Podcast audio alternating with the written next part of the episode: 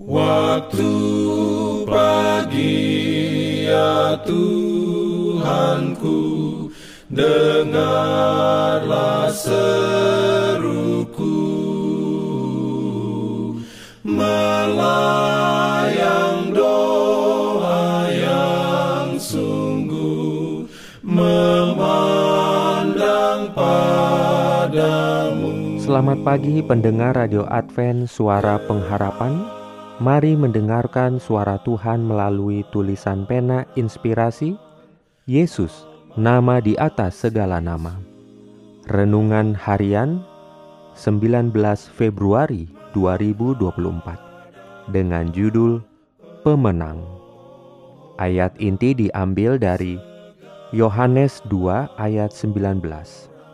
Firman Tuhan berbunyi, Jawab Yesus kepada mereka, rombak bait Allah ini, dan dalam tiga hari aku akan mendirikannya kembali. Oleh rahmatnya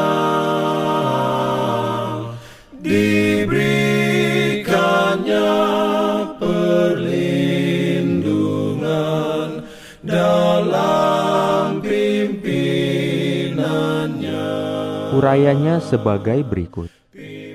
Kristuslah dasar dan hidup bait suci itu. Segala upacaranya melambangkan korban anak Allah.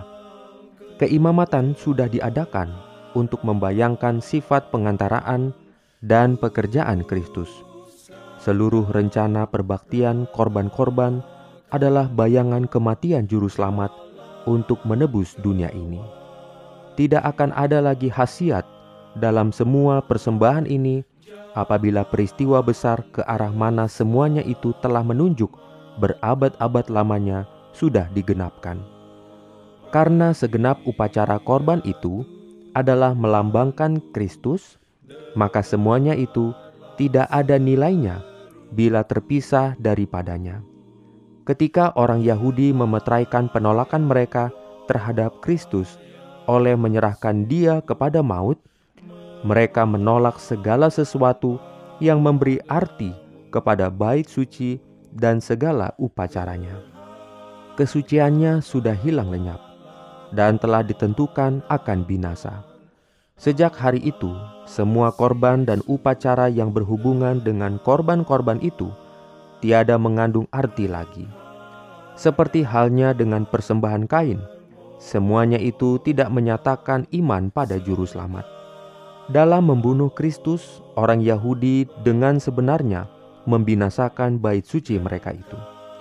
Ketika Kristus disalibkan, tirai dalam bait suci itu tercarik dua dari atas ke bawah, yang berarti bahwa korban besar yang terakhir sudah diadakan, dan bahwa sistem persembahan korban-korban berakhirlah sudah untuk selama-lamanya. Dalam tiga hari, aku akan mendirikannya kembali. Dalam kematian Juru Selamat, segala kuasa kegelapan nampaknya seolah-olah menang, dan mereka itu bergembira dalam kemenangan itu. Tetapi dari dalam kubur Yusuf yang terbuka itu, keluarlah Yesus sebagai pemenang. Ia telah melucuti pemerintah-pemerintah dan penguasa-penguasa, dan menjadikan mereka tontonan umum dalam kemenangannya atas mereka. Oleh jasa kematian dan kebangkitannya, ia menjadi pelayan tempat kudus, yaitu di dalam kemah sejati yang didirikan oleh Tuhan dan bukan oleh manusia. Manusia memelihara rumah ibadah Yahudi. Manusia membangun bait suci Yahudi, tetapi bait suci yang di sorga, yang dilambangkan bait suci di dunia ini, tidak dibangun oleh arsitek manusia. Inilah orang yang bernama Tunas. Dialah yang akan mendirikan bait Tuhan, dan dialah yang akan mendapat keagungan dan akan duduk memerintah di atas tahtanya.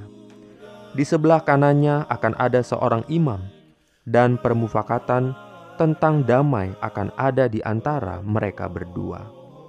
Renungkan lebih dalam bagi Anda Setan percaya bahwa rencananya untuk membunuh Yesus akan mengakhiri rencana keselamatan Allah bagi umat manusia. Itu berujung sebaliknya. bagaimana Allah telah menggunakan saat-saat penderitaan untuk menghasilkan berkat yang bahkan lebih besar dalam hidup saya? Diberikannya perlindungan dalam pimpinannya.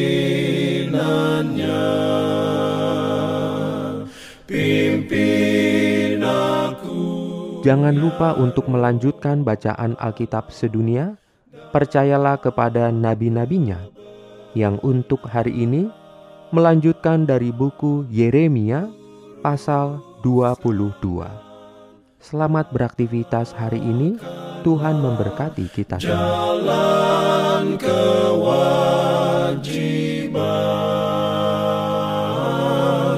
Jalan